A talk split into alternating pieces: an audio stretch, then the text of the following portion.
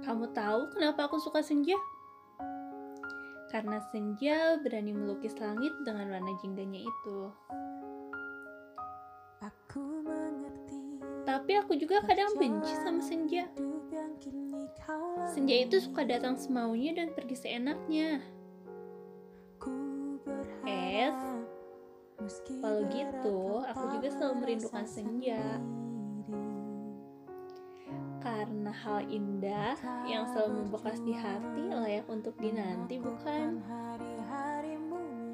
Walaupun ya senja datang untuk pergi, bahkan warnanya aja belum sempat aku nikmatin.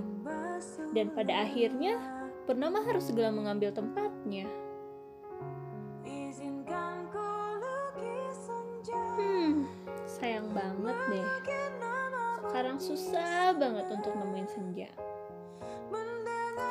Karena senja lebih memilih mengumpat di balik beningnya hujan yang lebih berani melukis langit dengan air matanya.